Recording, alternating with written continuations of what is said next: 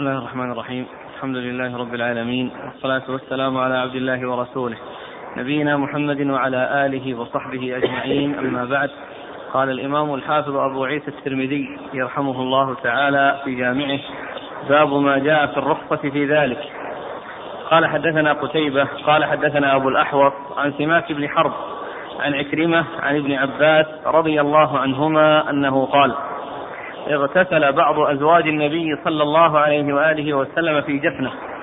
فأراد رسول الله صلى الله عليه وعلى آله وسلم أن يتوضأ منه. فقالت يا رسول الله إني كنت جنبا. فقال إن الماء لا يجنب. قال أبو عيسى هذا حديث حسن صحيح وهو قول سفيان الثوري ومالك والشافعي. بسم الله الرحمن الرحيم. الحمد لله رب العالمين وصلى الله وسلم وبارك على عبده ورسوله نبينا محمد وعلى آله وأصحابه أجمعين. أما بعد فيقول الإمام أبو عيسى الترمذي في جامعه باب الرخصة في ذلك أي في اغتسال أو وضوء الرجل وضوء الرجل بفضل وضوء المرأة وهو الباب الذي قبل هذا وقد عرفنا أن ذلك سائغ وأنه لا بأس به وأن ما جاء فيه من النهي محمول على كراهة التنزيه وإلا فإنه سائغ وجائز ولا بأس به. هنا قال الرخصة في ذلك. بعد ما ذكر الأحاديث أحاديث النهي ذكر ما يدل على جواز ذلك وأنه لا بأس به. فيكون ذلك محمولا على كراهة التنزيه كما قال ذلك بعض أهل العلم. وقد أورد أبو عيسى حديث ميمونة رضي الله تعالى عنها أن النبي أنها اغتسلت في جفنة أي من جفنة؟ من جفنة وهو وعاء يعني فيه ماء فكانت تتناول منه وتغتسل. ثم إن الرسول صلى الله عليه وسلم أراد أن يتوضأ من هذا الماء الباقي الذي هو فضل استعمال المرأة. فقالت يا رسول الله إني اغتسلت منه وكنت جنبا. فقال عليه الصلاة والسلام إن الماء لا يجنب يعني كون المرأة تتناول منه وهي جنب. وتأخذ الماء لتفيضه على جسدها وهي على جنابة إدخالها يدها فيه لا يؤثر ذلك فيه بل هو باق على طهوريته بل هو باق على طهوريته فالتطهر فيه سائغ. والنبي صلى الله عليه وسلم بين ذلك ب ب لما قالت له أم المؤمنين هذا هذا الذي الذي قالته من أنها استعملته وهي جنب فقال عليه الصلاة والسلام إن الماء لا يجنب فدل هذا على أن استعمال فضل وضوء المرأة أنه سائغ وأن ذلك لا بأس به وهذا هو الذي دل عليه هذا الحديث وكذلك غيره من الأحاديث وأما ما جاء من النهي فقد عرفنا أنه محمول على على كراهة التنزيل. نعم. قال حدثنا قتيبة قتيبة بن سعيد بن جميل بن طريف البغلاني ثقة أخرج له أصحاب كتب الستة. عن أبي الأحوص عن أبي الأحوص وهو سلام بن سليم الحنفي وهو ثقة أخرج له أصحاب كتب الستة. عن سماك بن حرب عن سماك بن حرب وهو صديق أخرجه البخاري تعليقا ومسلم وأصحاب السنن. ورواية عن عكرمة خاصة مضطربة عن عكرمة. وروايته مضطربة يعني عن عكرمة مضطربة نعم. عن عكرمة عن عكرمة هو ابن عباس وهو ثقة أخرج له أصحاب كتب الستة. عن ابن عباس عن ابن عباس عبد الله بن عباس بن عبد المطلب ابن عم النبي صلى الله عليه وسلم وأحد العبادله الأربعة من الصحابة وأحد السبعه المعروفين بكثرة الحديث عن النبي صلى الله عليه وسلم. قال أبو عيسى هذا حديث حسن صحيح نعم. وهو قول سفيان الثوري ومالك والشافعي يعني ممن قال به أي باغتسال الرجل أو توضؤ الرجل بفضل وضوء المرأة واغتسالها أن ذلك سائر ومن قال به؟ سفيان الثوري. سفيان الثوري هو سفيان بن سعيد بن مسروق الثوري ثقة فقيه أخرج حديثه أصحاب كتب الستة. ومالك. ومالك بن أنس إمام دار الهجرة المحدث الفقيه أحد أصحاب المذاهب الأربعة المشهورة من مذاهب أهل السنة.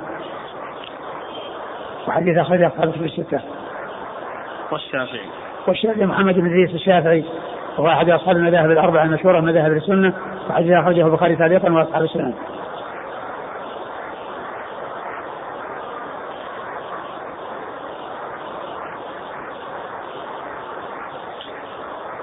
في الحاشية قال والحافظ في الفتح وقد أعله قوم بسماك بن حرب لأنه كان يقبل التلقين.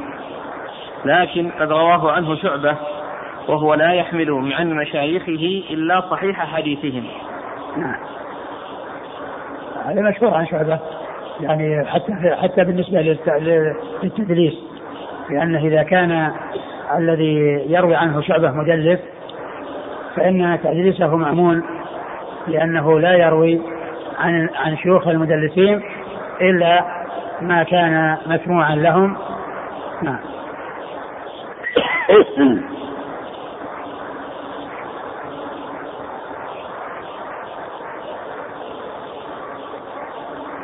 قال رحمه الله تعالى باب ما جاء أن الماء لا ينجسه شيء. قال حدثنا هناد والحسن بن علي الخلال وغير واحد.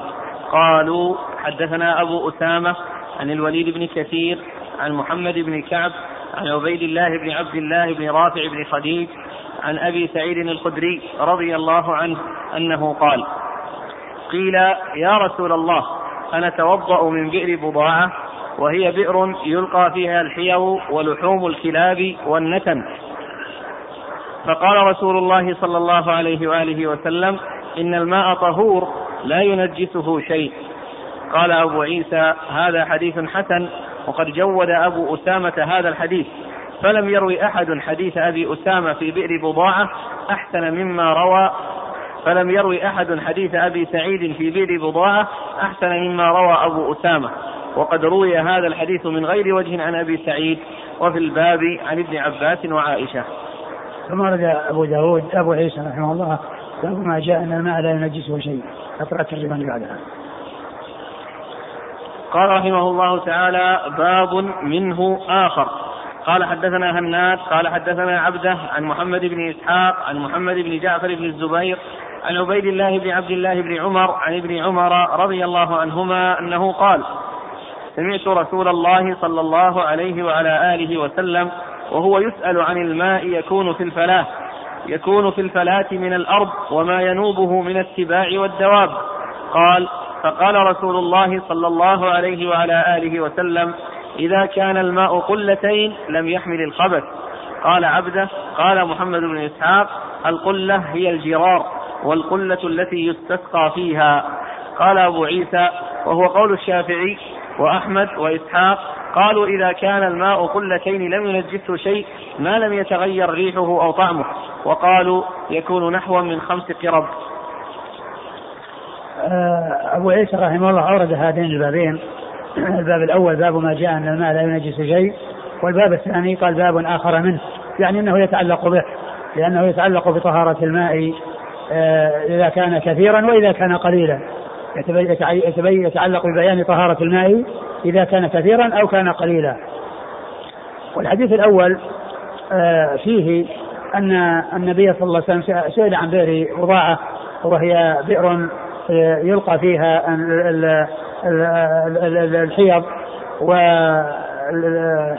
والنتن وغير ذلك من الأشياء المستقذرة.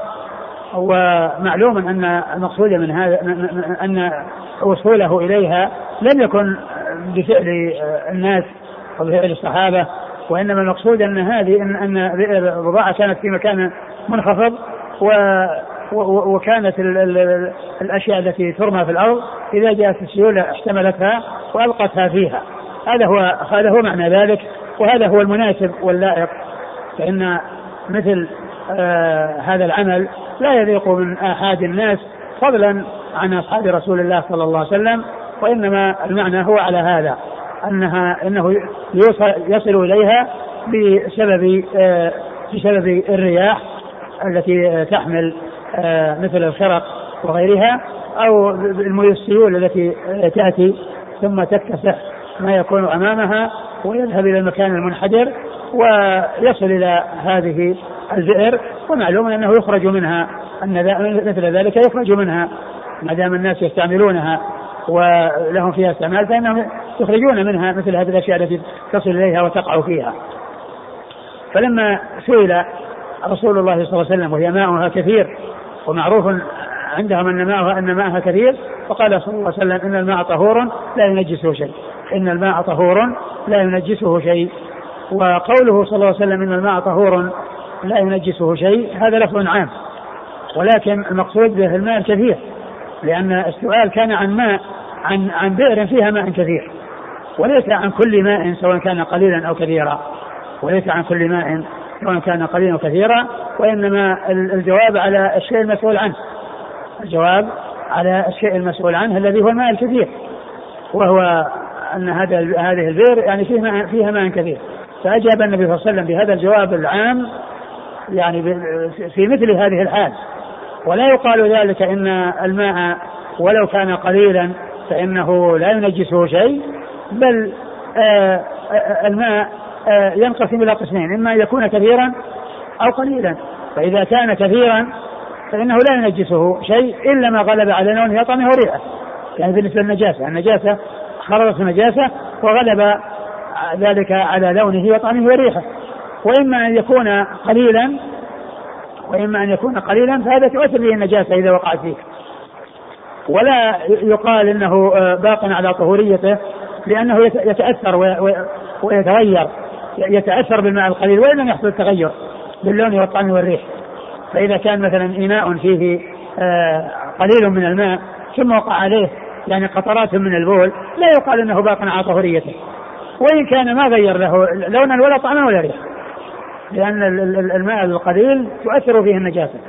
ولهذا جاء الحديث الثاني الذي يفصل ويبين بين ما كان كثيرا وما كان قليلا وأن ما كان كثيرا لا ينجسه شيء وأنه يحمل الخبث بمعنى أنه يدفعه ويدفع النجاسة إلا إذا غلبت عليه وكثرت حتى غطت عليه وظهر ذلك في لونه وطعمه وريحه.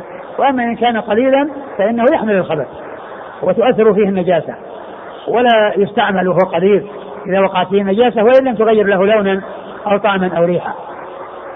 وعلى هذا فإن قوله صلى الله عليه وسلم من الماء طهور لا ينجس شيء يعني يدل على أن المقصود ذلك الماء الكثير كما هو محل السؤال وكما يوضح ذلك الحديث الثاني وهو ما فوق القلتين أنه لا يحمل الخبث أي لا يعني تؤثر فيه النجاسة. لكن تؤثر فيه إذا غلبت على طعمه ولونه ريحه. إذا كثرت فيه النجاسة مع الماء الكثير وأثرت في طعمه ولونه وريحه فإنه يكون ذلك نجسا ولا يستعمل وهو كثير. وأما إذا قل وصار دون القلتين فإن النجاسة تؤثر فيه ولا يستعمل ولا يستعمل هذا الماء في الطهارة ولا يتطهر به لأن النجاسة تؤثر أو تضر الماء القليل وإن لم تغير له لونا أو طعما أو ريحا. فإذا قوله صلى الله عليه وسلم لا ينجس شيء تبين أن المقصود به الماء الكثير من جهتين. من جهة أن المسؤول عنه بئر فيها ماء كثير. والجواب جاء على السؤال. ومن جهة أن حديث إذا بلغ الماء قلتين لم يحمل الخبث دال على أن ما فوق القلتين يعني لا تؤثر به النجاسة. إلا إذا غلبت على لونها وطعمها وريحها. والحديث هذا الحديث الذي معنا هو أن الماء طهور لا ينجس شيء. آه، آه، آه، أن الماء طهورا لا ينجسه شيء. جاء في بعض الروايات إلا إلا إذا غير طعما أو لونا أو ريحا ولكنها من رواية رشدين بن سعد وروايته ضعيفة لكن العلماء أجمعوا عليها. أجمعوا على معناها. على معنى هذا المعنى الذي هو أن الماء الكثير إذا غيرته أو تغير بالنجاسة بلون أو طعم أو ريح بحيث غلبت عليه النجاسة حتى ظهرت على طعمه أو لونه أو ريحه فهذا بالإجماع يعني تنجس آه، آه، ولا يجوز استعماله. ولا يجوز استعماله. فاذا الماء الكثير لا تؤثر فيه النجاسة إلا إذا غلبت على لونها وطعمه وريحه. إذا كانت النجاسة كثيرة وغلبته وصار طعمه طعم النجاسة أو لونه لون النجاسة أو ريحه ريح النجاسة. فعند ذلك تؤثر النجاسة في الماء الكثير حيث تكون أكثر منه وتظهر ذلك بهذه الصفات الثلاث وهذا بإجماع العلماء. أن الماء الكثير آه، أو القليل إذا تغير بنجاسة فإنها آه، آه، إذا تغير لونه وطعمه بنجاسة فإنه يكون نجسا. وأما الكثير الماء القليل فإن أنه تؤثر فيه النجاسة وإن لم تغير له لونا أو طعما أو ريحا. وإن لم تغير له لونا أو طعما أو ريحا. فإذا فرق بين الماء الكثير والماء القليل الكثير. لا تؤثر به النجاسة إلا أن غيرت له لونا أو طعما أو ريحا. وما دون دون القلتين فإن النجاسة تؤثر فيه وإن لم تغير له لونا أو طعما أو ريحا. وبهذا يتبين أن قول صلى الله عليه وسلم إن الماء طهور لا ينجسه شيء ليس عاما في كل ماء ولو كان قليلا لأن الحديث الذي جاء بعده يبين أن الماء القليل تؤثر به النجاسة. وأيضا آه آه الحديث الثاني يبين أن ما فوق القلتين متفق مع ما جاء في الحديث من أن الماء لا ينجسه شيء. ولكنه إذا حصل التغير بالطعم أو اللون والريح النجاسة فإن ذلك يؤثر عليه ويسلبه الطهورية ويكون نجسا أو متنجسا لا يجوز استعماله لا يجوز استعماله في الطهارة. ولا يجوز لا يجوز استعماله في الطهارة ولا في الشرب ولا في الأكل ولا غير ذلك لأنه نجس. وما الحديث الثاني إذا بلغ الماء قلتين القلتان هما القرب الكبيرة. القرب الكبيرة. وهما يعني آه، آه، قلال كبيرة وهي القرب الكبيرة وقد جاء في وصف سدرة المنتهى أن يعني أن ورقها مثل آذان الفيلة وأن ثمرها مثل قلال الهجر يعني معناه أنه شيء أنه شيء كبير. فهي فالقلال يعني مشهورة بكبرها عند الصحابة ولهذا فإن وقد أيضا حدد بقلتين ودل على أن المقصود من ذلك ما كان معروفا في الكبر من القرب لأنه قال قلتين ولو كان آه، آه، الأمر يتعلق بقرب ليست كبيرة لأمكن أن يكون قربة كبيرة أو يعني قرب متعددة من الصغار ولكنه آه، حال ذلك على شيء معروف الكبر عندهم وأنه أعلى مقدار في القرب وأن الحج الذي يميز فيه بين الماء الكثير والماء القليل هو ما كان مقدار قلتين. إذا بلغ الماء قلتين لم يحمل الخبث يعني مثل لا ينجسه شيء في الحديث الأول.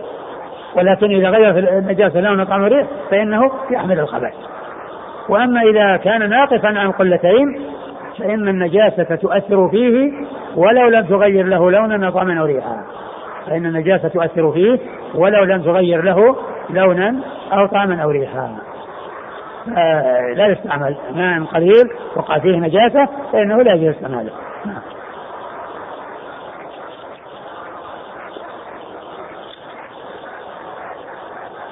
عن أبي سعيد الخدري رضي الله عنه أنه قال قيل يا رسول الله أنا اتوضا من بئر بضاعة وهي بئر يلقى فيها الحيض ولحوم الكلاب والنتن.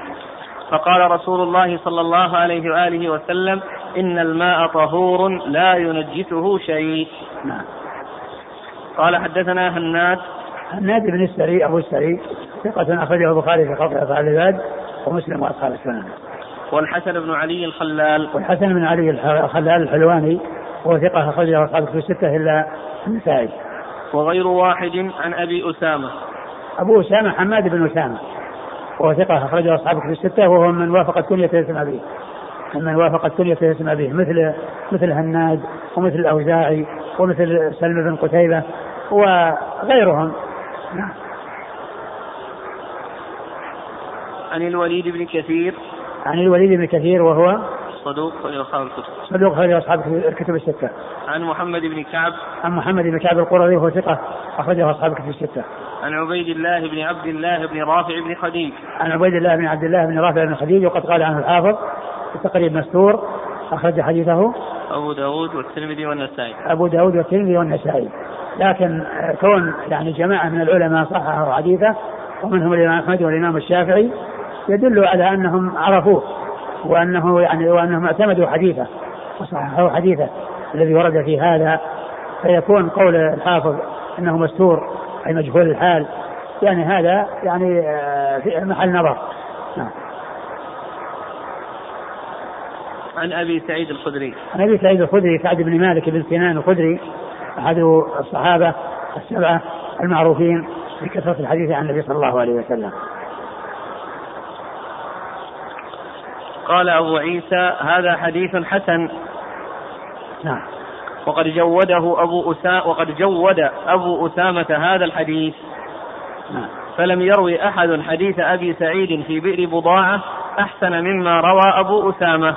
يعني أنه روى رواه أبو أسامة ورواه غيره ولكن أبا أسامة هو الذي آه، آه، جود إسناده. نعم. وقد روي هذا الحديث من غير وجه عن أبي سعيد. نعم. وفي الباب عن ابن عباس وعائشة. ابن عباس مر ذكره عائشة ام المؤمنين الصديقة بنت الصديق وهي واحدة من سبعة أشخاص عرفوا بكثرة الحديث عن النبي صلى الله عليه وسلم.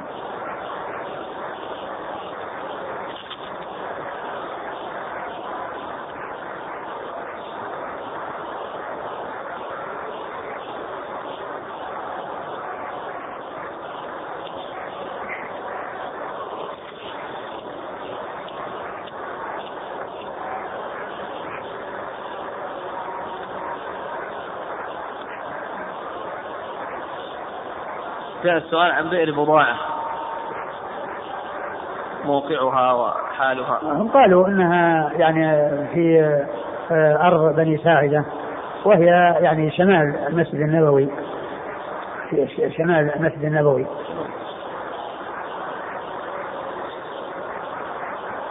هنا يقول هي دار بني ساعدة بالمدينة وبئرها معروفة. قاله ياقوت وقال أبو داود في سننه سمعت قتيبة بن سعيد قال سألت قيم بئر بضاعة عن عمقها. قال أكثر ما يكون فيها الماء إلى العانة. قلت فإذا نقص. قال دون العورة. قال أبو داود وقدرت أنا بئر بضاعة, بضاعة بردائي. مددته عليها ثم ذرعته فإذا عرضها ستة أذرع. وسألت الذي فتح لي باب البستان فأدخلني إليه. هل غير بناؤها عما كانت عليه؟ قال لا. ورأيت فيها ماء متغير اللون. وهذا في زمن أبي داود. أبو داود في القرن الثالث الهجري نعم.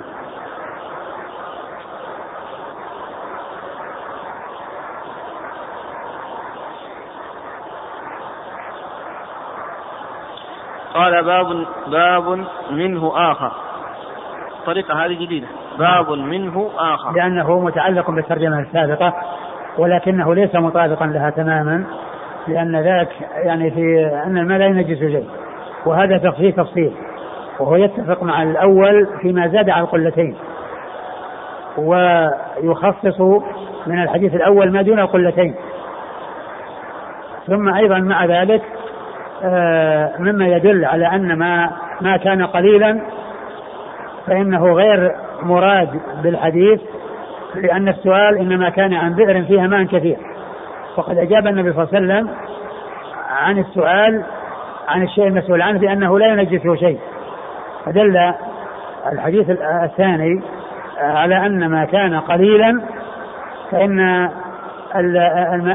فإن فإنه يتأثر بالنجاسة. فإنه يتأثر بالنجاسة. وقوله باب آخر منه يعني هذا يعني معناه كالفصل من من, من الذي قبله أو كالجزء من الذي قبله لأنه آه يشبهه ولكنه لا يطابقه. لا يطابقه لأن الترجمة باب الماء لا ينجسه شيء. وهذا في تفصيل أن الماء منه ما ينجسه شيء ومنه ما لا ينجس شيء. ثم أيضا هذا الذي لا ينجس شيء الذي هو يدل عليه الحديث الأول ويدل عليه أيضا آه، آه، الحديث الثاني الذي هو ما فوق القلتين.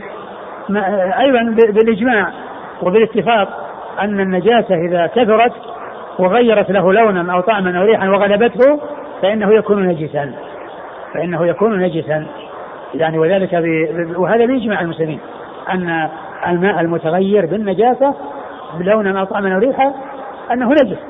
وما كان دون القلتين ووقع فيه نجاسة فمجرد ملاقاة النجاسة له ووقوعها فيه ينجسه وإن لم يتغير له لون أو طعم أو ريح. قال باب مثل ما يستعمله يعني البخاري وغيره يعني يقول باب منه أو يقول باب ولا ولا يذكر آه، آه، لفظ ترجمة وإنما يقول باب لأن الباب مع الفصل مع الباب الذي قبله إذا جاء بالترجمة كالفصل كالفصل من الباب كالفصل من الباب عندما يكون باب تحت فصول تحت فصول هذا يكون من هذا القبيل.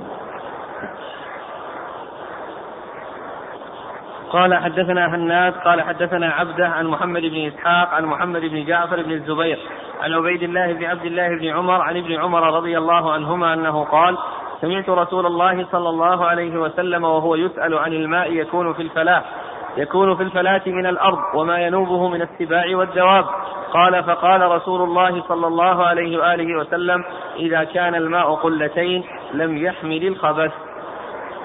أرد أبو عيسى بعد بعد بعد هذا حديث ابن عمر رضي الله تعالى عنهما أن النبي صلى الله عليه وسلم سئل عن الماء في الفلاة يعني غدير في البر وتنوبه السباع وتشرب منه. فأجاب النبي صلى الله عليه وسلم بقوله إذا بلغ الماء قلتين أو إذا كان الماء قلتين لم يحمل الخبث. يعني لا تؤثر فيه النجاسة لا تؤثر فيه النجاسة إذا بلغ قلتين. فمنطوقه أن ما فوق القلتين أنه لا تؤثر فيه النجاسة إلا إذا غير طعمه لونه ويحب بالإجماع وإذا كان دون القلتين فإن النجاسة تؤثر فيه ولو لم تغير له لونا أو طعما أو ريحا. ولو لم تغير له لونا أو طعما أو ريحا. نعم. قال حدثنا هناد عن عبده هناد من رد عبد بن سليمان وهو ثقة أخرج له أصحاب كتب الستة. عن محمد بن إسحاق محمد بن إسحاق المدني هو صدوق أخرج حديث البخاري تعليقا ومسلم وأصحاب السنن. عن محمد بن جعفر بن الزبير. محمد بن جعفر بن الزبير ثقة أخرج له أصحاب كتب الستة. عن عبيد الله بن عبد الله بن عمر. عن عبيد الله بن عبد الله بن عمر وهو ثقة أخرج له أصحاب كتب الستة. عن ابن عمر. عن ابن عمر عبد الله بن عمر بن الخطاب رضي الله تعالى عنهما الصحابي الجليل آه، أحد العبادة الأربعة وأحد السبعة المعروفين بكثرة الحديث عن النبي صلى الله عليه وسلم. وهذا الحديث بعض العلماء تكلم فيه ضعفه ومنهم القيم في كتاب تهذيب السنن فإنه أطال الكلام في تضعيفه ولكن صححه كثيرون من العلماء واحتجوا به. وقد ذكر في الشرح أنه صححه يعني ما يقرب من أربعة عشر شخصا. نقلا عن العراقي مش يقول؟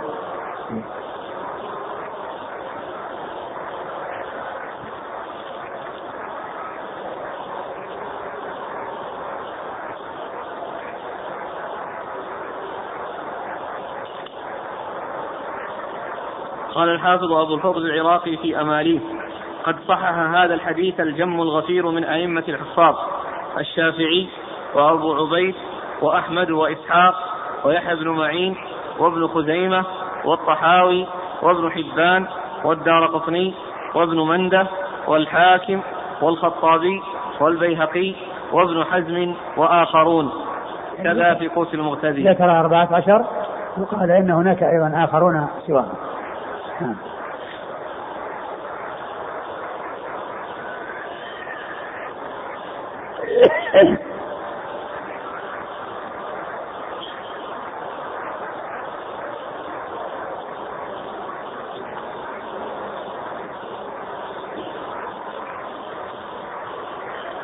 هو يقول انها ضعيف يعني وعلى هذا يعني ما تسبب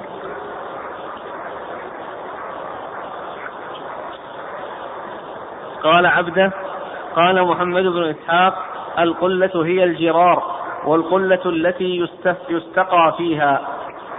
يعني جرار يعني أوعية يعني كبيرة وأنه يستقى فيها يعني يعني يجلب الماء فيها أو يعني يؤتى بالماء فيها. نعم.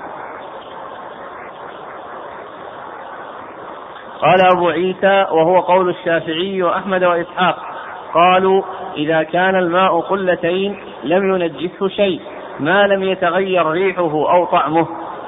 يعني ريحه وطعمه أو لونه وهذا بالإجماع.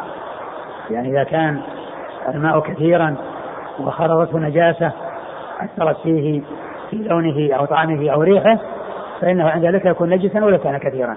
لأن النجاسة طغت عليه وصارت أكثر منه. وقالوا يكون نحوا من خمس قرب. له عقلتين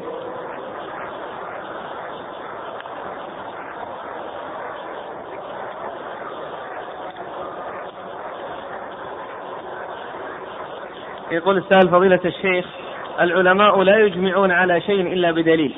فكيف يجمعون على أن الماء إذا تغير لونه أو رائحته وطعمه يكون نجسا ولا يوجد فيه حديث صحيح؟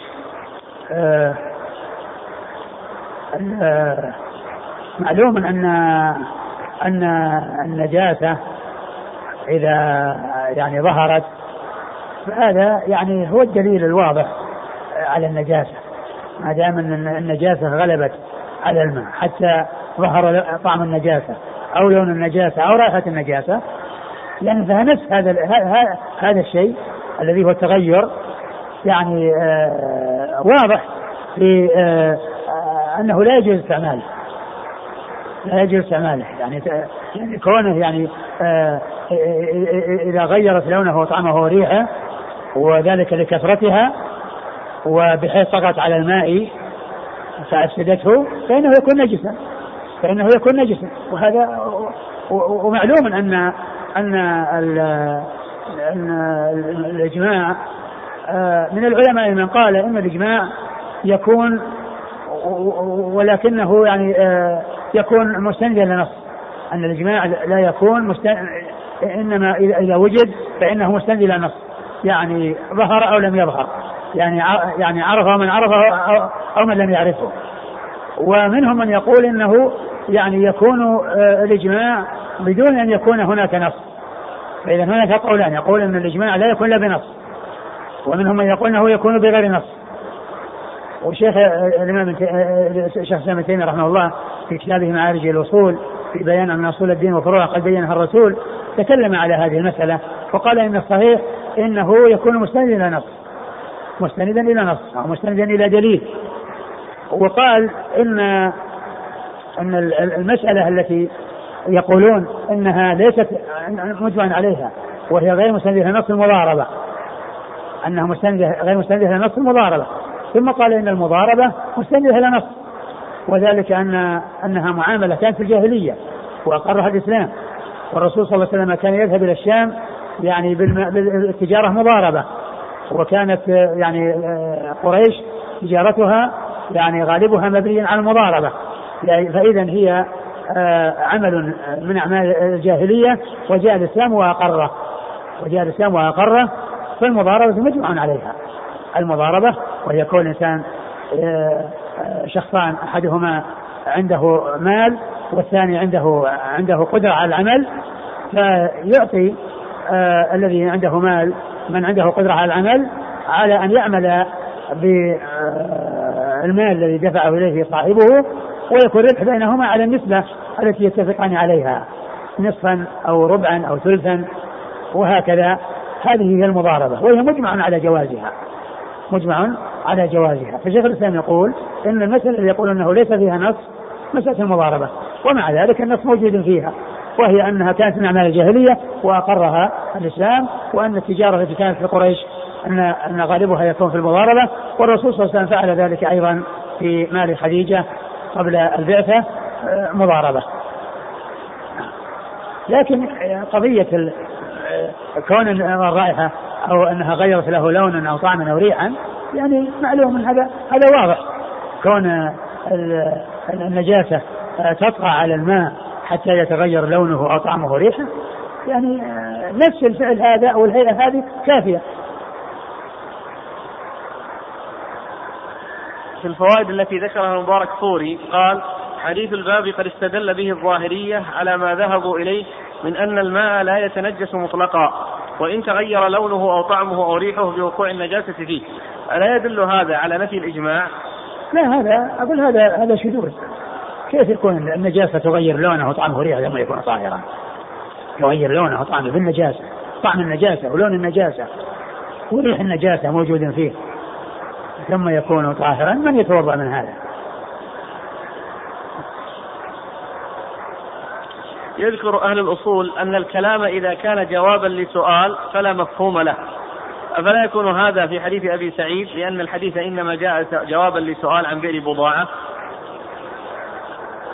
آه، معلوم أن أن الحديث جاء جوابا لسؤال ولكنه لا يفهم منه على إطلاقه أن كل ماء قل أو كثر فإنه لا ينجسه شيء. لا يفهم منه. لأن لأن كما قلت من جهتين من جهة أن السؤال عن ماء كثير ما كان عن ماء قليل. ومن جهة أن الحديث الذي فصل بين وميز بين الماء الكثير والماء القليل. وما جاء في حديث بضاعة بير بضاعة متفق مع ما فوق القلتين في حديث القلتين. متفق لأنه لا يحمل الخبث إذا فوق القلتين إذا كان كبيرا. وما إذا كان قليلا فإنه يحمل الخبث فلا يقال بعمومه على أن الماء لا ينجس شيء ولو قل. نعم. وهذا آخر عن قضية المفهوم. بعض أهل العلم يقولون إن الماء إذا خلطته نجاسة ولم تغير أحد صفاته لم يتنجس سواء كان قلتين أو أقل. لأن الاستدلال بحديث القلتين دلالة مفهوم وما احتج عليه العلماء أن الماء لا ينجسه شيء إلا ما غلب على طعمه دلالة منطوق وهي مقدمة على دلالة المفهوم. ما أدري هل الذي يقول مثل هذا الكلام لو يكون عنده إناء صغير وقع فيه قطرات من البول هل سيتوضأ منه ولا ما يتوضأ؟ ما قليل كاس أو يعني يعني يكفي لأعضاء الوضوء لمرة واحدة ثم يقع فيه شيء من البول. فهل الإنسان يتوضأ منها أو يريقه؟ لا شك أنه ما ما قدامه إلا الإراقة. وكيف تطيب نفسه أن يتوضأ من ماء وقع فيه بول وهو قليل؟ وأسئلة كثيرة في موضوع تحديد القلتين بالموازين الحالية.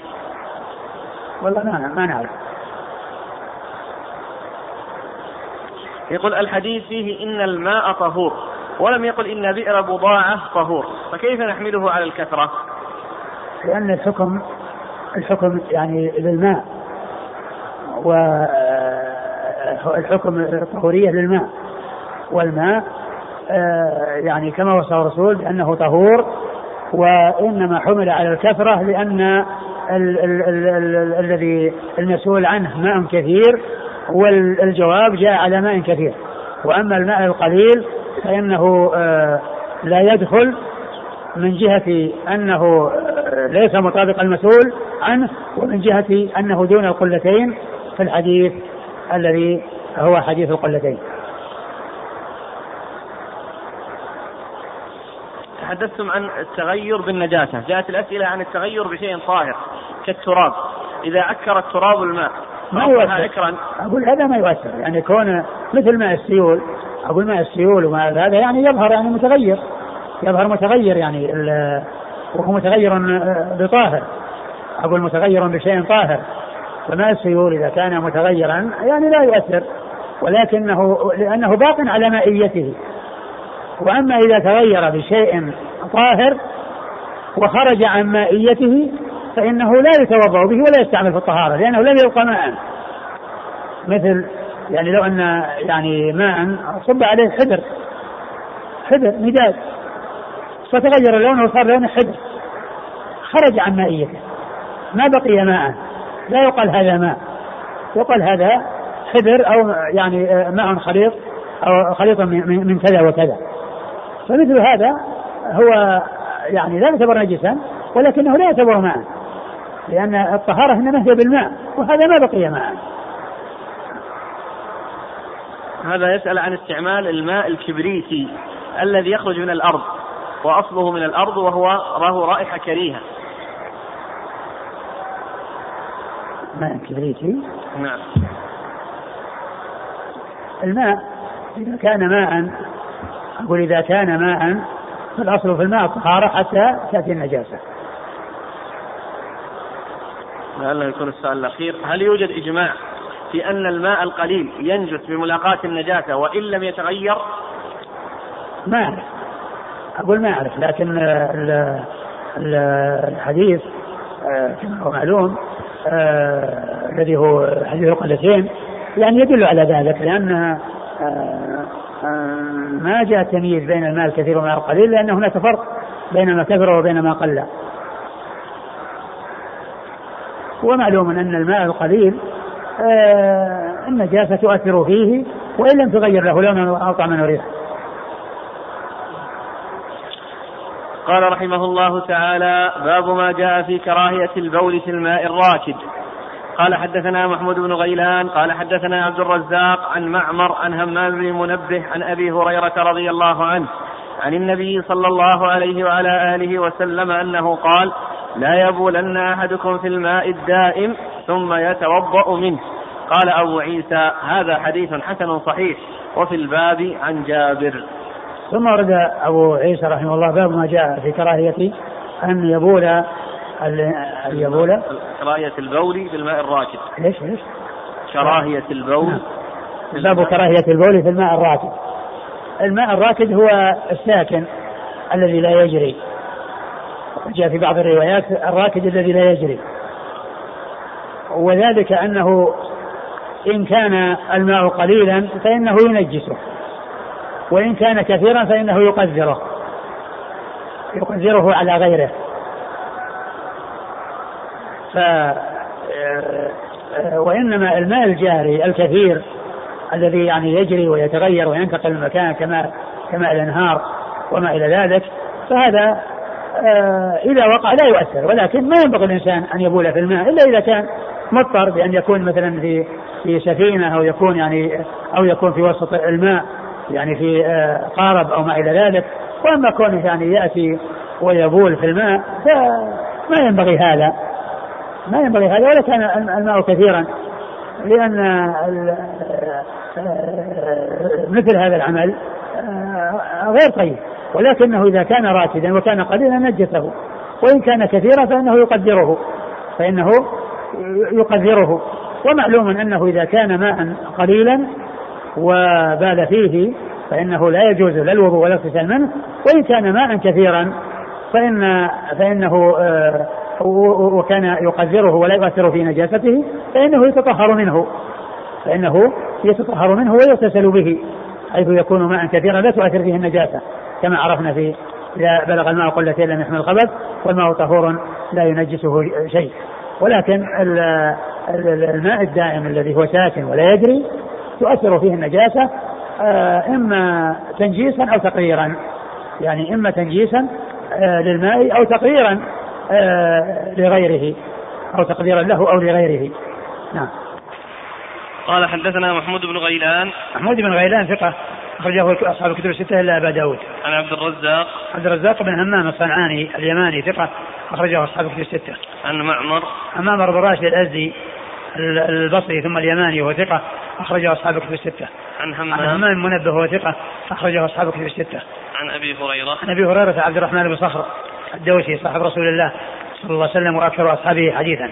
وهذا الحديث من الصحيفة صحيفة همام ابن منبه التي اشتملت على يعني أحاديث آه، كثيرة آه، وهي بإسناد واحد وهي عن عبد الرزاق عن همام عن معمر عن همام عن أبي هريرة. ومن دون عبد الرزاق يختلف الرواة أو يتعدد الرواة أو يتنوع الرواة من دون عبد الرزاق.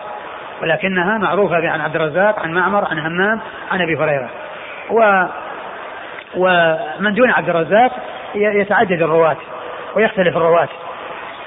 ف آه، مثل الإمام مسلم رحمه الله آه، آه، الأحاديث التي في الصحيفة كلها من رواية محمد بن رافع. كلها من رواية محمد بن رافع عن عبد الرزاق. وغيره يأتي عن عنه وعن غيره يعني عن محمد بن رافع وعن غيره. وهي بإسناد واحد وهي موجودة في مسند الإمام أحمد بكاملها في مسند أبي هريرة. والفرق بين كل حديث وحديث جملة وقال رسول الله صلى الله عليه وسلم كذا. يأتي الإسناد الأول وأول حديث فيها نحن الآخرون الأولون. نحن الآخرون الأولون. هذا أول حديث في الصحيفة. هذا أول حديث في الصحيفة. ثم بين كل حديث وحديث جملة وقال النبي صلى الله عليه وسلم كذا وقال النبي صلى الله عليه وسلم كذا وقال النبي صلى الله عليه وسلم كذا. فتأتي جملة وقال النبي صلى الله عليه وسلم بعدد الأحاديث التي في تلك الصحيفة. والعلماء يعني غير الإمام مسلم. الإمام مسلم له طريقة متميزة عن غيره. إذا كان الحديث في أثناء الصحيفة وأراد إخراجه فإنه إذا وصل إلى أبي هريرة قال فذكر أحاديث منها وقال رسول الله صلى الله عليه وسلم كذا. فذكر أحاديث. أشار إلى الأشياء المتروكة والأشياء, والأشياء التي آه، تجاوزها بقوله فذكر أحاديث. عن أبي هريرة عن, رسول عن أبي هريرة فذكر أحاديث يعني أبو هريرة. منها وقال رسول الله صلى الله عليه وسلم كذا ثم يأتي الحديث الذي يريده وهذه طريقة الإمام مسلم رحمه الله عند كل حديث. عندما يأتي أبو هريرة قال فذكر حديث منها وقال رسول كذا. وأما البخاري وأبو داود والترمذي فإنهم يأتون بالإسناد ثم يأتون بالقطعة التي يريدون ويجعلونها وراء الإسناد. يجعلونها وراء الإسناد. وهي وإن كانت تالي غير تالية له وهي غير تالية له إنما الذي يتلوه مباشرة نحن السابقون الأولون يوم القيامة. هذا أول حديث في الصحيح فطريقة مسلم رحمه الله متميزة في المحافظة على الألفاظ والمحافظة والرواية وعدم الرواية في المعنى و وهو متميز في هذا. ولهذا فإنه في هذه الصحيفة يسلك هذا المسلك وغيره لا يسلك هذا المسلك. بل إذا جاء إلى الحديث أسند ثم أتى بالجملة التي يريدها من من من الصحيفة الطويلة وجعلها بعد الإسناد مباشرة. وهي ليست بعد الإسناد مباشرة في, في, في رواية أبي هريرة. ولكن ذلك سائر عندهم. ولكن عمل مسلم رحمه الله في غاية الدقة والإتقان. ولهذا قال الحافظ بن حجر في ترجمته في تهذيب التهذيب قلت حصل للإمام مسلم حظ عظيم مفرط. وذلك بعنايته في الأحاديث وحسن الترتيب والمحافظة على الألفاظ وعدم الرواية بالمعنى. وذكر يعني شيء من من الصفات أو من الأعمال التي آه، قام بها مسلم في صحيحه. ولكن هذا منها يعني فيما يتعلق بصحيفة همام بن منبه. نعم.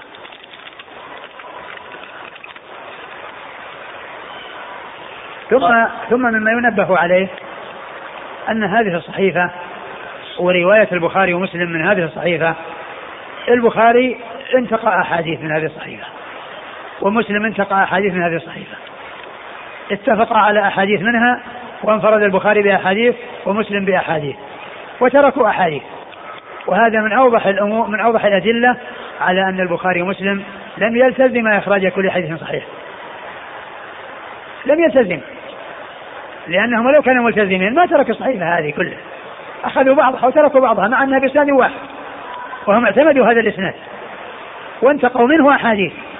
فهذا من أوضح ما يستدل به على أن البخاري ومسلم لم يلتزم إخراج كل حديث صحيح وإنما أورد جملة كبيرة من الأحاديث الصحيحة. ولو كان ملتزمين بإخراج كل حديث صحيح ما ترك شيئا من صحيحات الإمام منبه مع أنها بإسناد واحد. وقد أخذوا منها وتركوا. نعم. قال أبو عيسى هذا حديث حسن صحيح وفي الباب عن جابر. وفي الباب عن جابر جابر بن عبد الله مر ذكره. قوله لا يقولن النهي. نعم. على ماذا يحمل؟ النهي النهي آه الأصل فيه التحريم. وإذا كان الماء آه، يكون في تنجيس أو تقدير يعني لغيره فإنه يكون على التحريم. وأما إذا كان لا يؤثر والإنسان محتاج إلى ذلك فإن ذلك لا بأس به. يقول هل للحديث مفهوم؟ أي يجوز له إذا لم يتوضأ منه؟ بقوله لا يبولن أحدكم الماء الدائم ثم يتوضأ لا لا. لا يجوز الإنسان يبول ولو, ولو لم يتوضأ. ولو لم يتوضأ إذا كان ينجسه أو أو يقذره.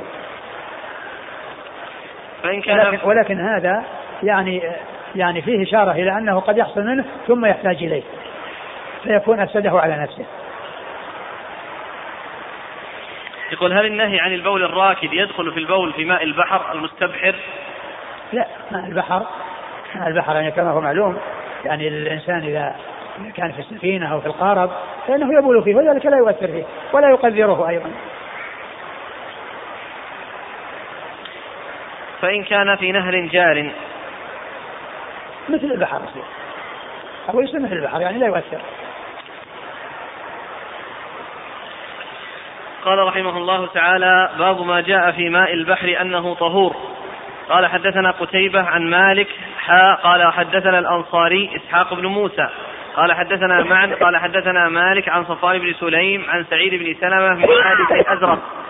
أن المغيرة بن أبي بردة وهو من بني عبد الدار أخبره أنه سمع أبا هريرة رضي الله عنه يقول سأل رجل رسول الله صلى الله عليه وآله وسلم فقال يا رسول الله إنا نركب البحر ونحمل معنا القليل من الماء فإن توضأنا به عطشنا أفنتوضأ من ماء البحر؟ فقال رسول الله صلى الله عليه وعلى آله وسلم هو الطهور ماؤه الحل ميتته. قال وفي الباب عن جابر والفراسي قال أبو عيسى هذا حديث حسن صحيح. ثم ورد أبو عيسى باب الوضوء في ماء البحر. ما جاء في ماء البحر أنه طهور. ما جاء في ماء البحر أنه طهور. ما جاء في ماء البحر أنه طهور أي مطهر لغيره يعني يتوضأ به ويغتسل منه ويحصل به رفع رفع الحدث. وإنما سئل عن ماء البحر لأنه يختلف عن المياه. من جهة يعني رائحته ومن جهة ملوحته ويعني وما يكون فيه من الحيوانات التي تموت فيه. فكان يعني غير معروف غير معروف لهم يعني حكمه وكانوا يأخذون الماء. ومعلوم أنه لا يشرب ماؤه وإنما يحملون معهم الماء ويعني يحتاجون إلى الوضوء وقد يقل الماء معهم. الذي أخذوه معهم لوضوئهم ولشربهم فيحتاجون فسألوا النبي صلى الله عليه وسلم فأجابهم بأنه الطهور ماؤه وأضاف إليهم أيضا آه، بيانا بيان شيء آخر هم قد يكون مشكلا عليهم وهو ميتته فقال عليه السلام الحل ميتته هو الطهور ماؤه الحل ميتته. فبين صلى الله عليه وسلم أن أن ماء البحر طهور وأنه آه، يتوضأ به ويغتسل منه. وأنه آه، لا فرق بينه وبين المياه الأخرى في الطهورية. والصحابه رضي الله عنهم وأرضاهم سألوه سالوا النبي صلى الله عليه وسلم وأجابهم بهذا الجواب الذي هو أنه أنه طهور وأن ميتته أيضا حلال وأنها لا تؤثر يعني ما مات فيه من من دواب البحر من السمك فإن ذلك لا يؤثر فهو فهو حلال غير حرام وقد جاء في الحديث حلت لنا ميتتان ودمان والميتتان الجراد والحوت والدمان الكبد والطحال. ثم إن المقصود بميتته أي ميتة الحيوان الذي يعيش فيه. وأما الحيوان الذي لا يعيش فيه إذا مات فيه فإنه حرام ولا يحل. يعني إذا غرق فيه بهيمة من البهائم بقرة أو شاة فإنها حرام. ولو مات فيه طير فإنه يكون حراما. والمقصود من ذلك ما مات فيه وهو منه. لا ما مات فيه وهو ليس وهو من البر وذلك بالغرق. فإنه يموت بالغرق ما كان بريا يموت بالغرق. وما كان بحريا هو لا يعيش إلا بالماء. وإذا خرج من الماء فإنه يموت. فبين صلى الله عليه وسلم أن ميتته يعني حلال وذلك خاص فيما هو من دواب البحر الذي لا يعيش إلا فيه. وأما ما كان من دواب البر فإنها إذا ماتت فيه فإنها تكون ميتة ولا تكون حلالا.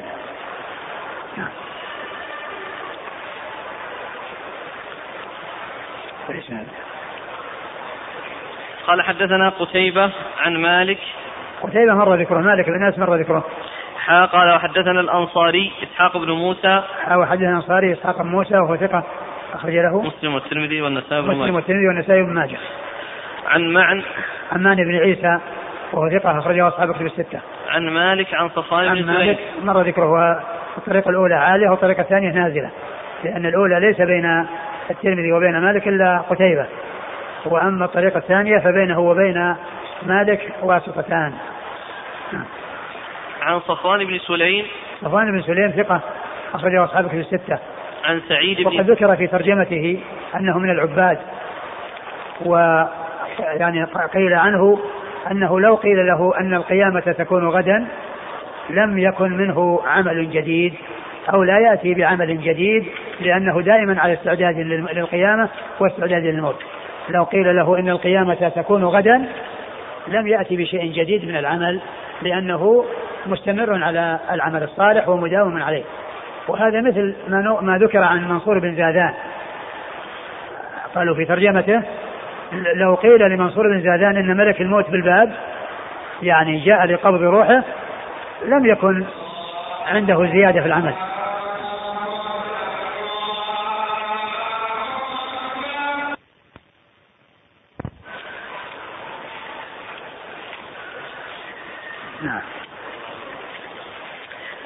الله إليك لكن ذكروا في ترجمته. قال أحمد عن صفوان بن سليم ثقة من خيار عباد الله الصالحين يستشفى بحديثه. وينزل القطر أو ينزل القطر من السماء بذكره. من الذي يقوله؟ أحمد.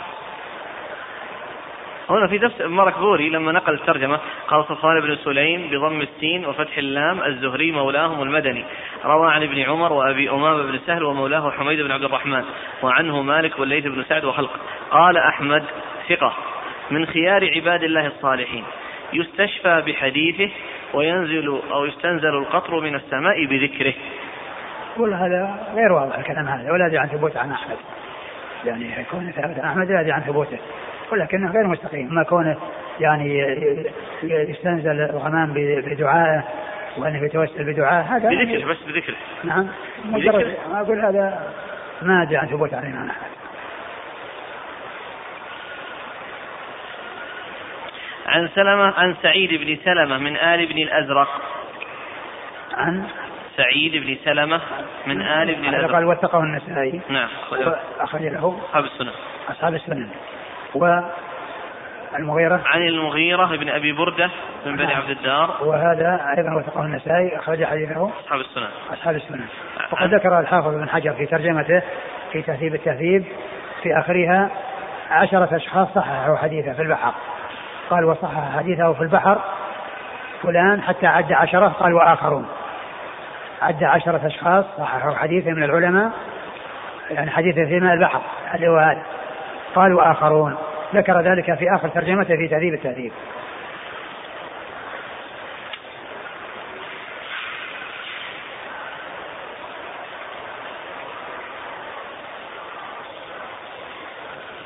قوله هذا حديث حسن صحيح قد صح هذا الحديث غير الترمذي ابن المنذر وابن خزيمة وابن حبان والحاكم وابن مندى وابو محمد البغوي. كذا في قوت المغتدي كم هؤلاء؟ كم هؤلاء؟ ها؟ كم عددهم هؤلاء؟ الترمذي معهم؟ إيه؟ الترمذي وابن المنذر وابن خزيمة وابن حبان والحاكم وابن مندة وأبو محمد البغوي سبعة. منهم هؤلاء ولا مزيد على ما ذكره؟ لا والله ما تذكر لكن لكنه ذكر عشرة يعني وقال بعد ذلك وآخرون. يعني معناه في غيرهم.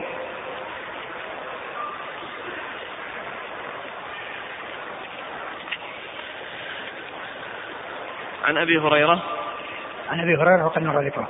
قال وفي الباب عن جابر والفراسي. جابر مر ذكره والفراسي صحابي أخرج حديثه. أبو داود والنسائي وابن ماجه. أبو داود والنسائي وابن ماجه.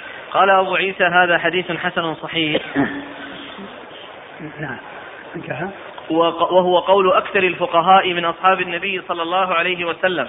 منهم أبو بكر وعمر وابن عباس لم يروا بأسا بماء البحر. نعم. وقد كره بعض أصحاب النبي صلى الله عليه وسلم الوضوء بماء البحر. منهم ابن عمر وعبد الله بن عمرو. وقال عبد الله بن عمرو هو نار. وهو قول أكثر الفقهاء من أصحاب النبي صلى الله عليه وسلم. منهم أبو بكر. أبو بكر هو عبد الله بن عثمان. أبو بكر بن أبي قحافة. آه، صاحب رسول الله صلى الله عليه وسلم. وهو الصديق. وهو صاحب صاحبه في الغار. وهو أول الخلفاء الراشدين الهادي المهديين ومناقبه جمة وفضائله كثيرة وحديثه عند أصحاب الكتب الستة. وعمر وابن عباس وعمر الخطاب وهو ثاني الخلفاء الراشدين الهادي المهديين مناقبه جمة وفضائله كثيرة وحديثه عند أصحاب الكتب الستة وابن عباس مر ذكره وكره بعض أصحاب النبي صلى الله عليه وسلم الوضوء في ماء البحر منهم ابن عمر وعبد الله بن عمرو. ابن عمر مر ذكره وعبد الله بن عمرو هو آه، آه، ابن العاص وهو صحابي ابن صحابي وهو أحد العباد الأربعة من أصحاب النبي صلى الله عليه وسلم وحديثه أخرجه أصحاب الكتب الستة. وقال عبد الله بن عمرو هو نار. قال عبد الله بن عمرو هو نار ومعلوم أن حديث الرسول صلى الله عليه وسلم دل على آه، الوضوء منه وعلى أن ذلك سائر ولا ندري هل الحديث يعني بلغ هؤلاء الصحابة الذين كرهوا وقالوا إنه نار أو من قال بينهم إنه نار فاذا ثبت الحديث عن رسول الله صلى الله عليه وسلم فإنه لا مجال لا, لا كلام لأحد ولا مجال لقول أحد كما قال الشافعي أجمع المسلمون أو أجمع الناس على أن من استبانت له سنة رسول الله صلى الله عليه وسلم لم يكن له أن يدعها لقول أحد. انتهى الباب والله أعلم وصلى الله وسلم وبارك على عبده ورسوله نبينا محمد وعلى آله وأصحابه أجمعين. جزاكم الله خيرا وبارك الله فيكم ونفعنا الله ما قلتم. يقول السائل فضيلة الشيخ الحيوانات التي تعيش في البر وفي الماء هل لها حكم ميتة البحر؟ لا ليس لها حكم إذا كانت تعيش في البر فليس لها حكم ميتة البحر. مثلا هذا يمثل يقول كالتمساح والضفادع الضفادع يعني جاء فيها نص وهي تعيش في البر وتعيش في البحر على أنها حرام فيه من لا تقتل. نعم. فيه من حيوانات البحر ما هو مشابه لما منهي عنه من حيوانات البر ككلب الماء وخنزير الماء. الذي يبدو والله أعلم أن كل ما كان في البحر من الدواب فإنه حلال إلا إذا كان عرف أن فيه ضرر أو كان مستقدرا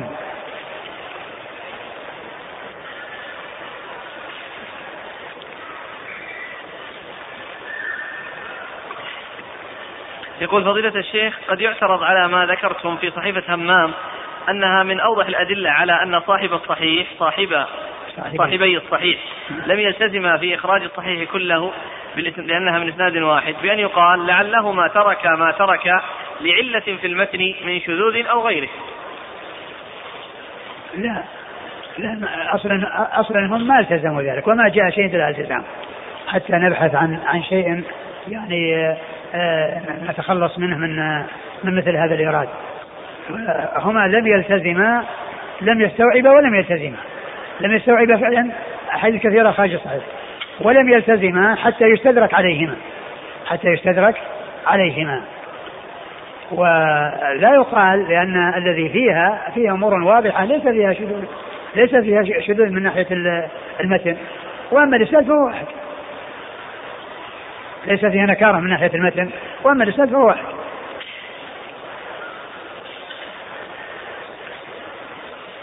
ما ذكرتم من قول حافظ بن حجر فيما يعني وقع للإمام مسلم من حظ عظيم. هل معنى هذا أن البخاري يروي بالمعنى؟ إي نعم. ويقطع الأحاديث ويعني يختصر. وأما مسلم فإنه يحافظ على الألفاظ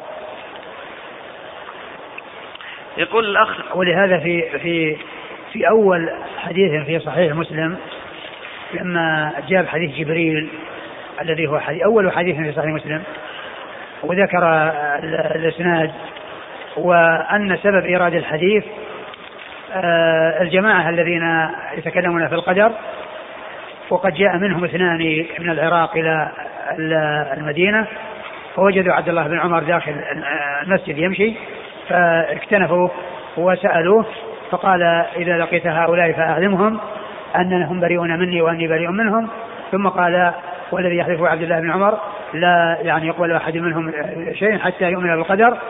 ثم قال حدثني أبي عن رسول الله عن, عن رسول الله وسلم. حدثني أبي قال بيننا جلوس. ثم ساق حديث جبريل كله من أجل وأن تؤمن بالقدر خيره وشره كل الحديث كله من أوله إلى آخره جاء للاستدلال في جملة وأن تؤمن بالقدر خيره وشره. وجاءه بأكمله.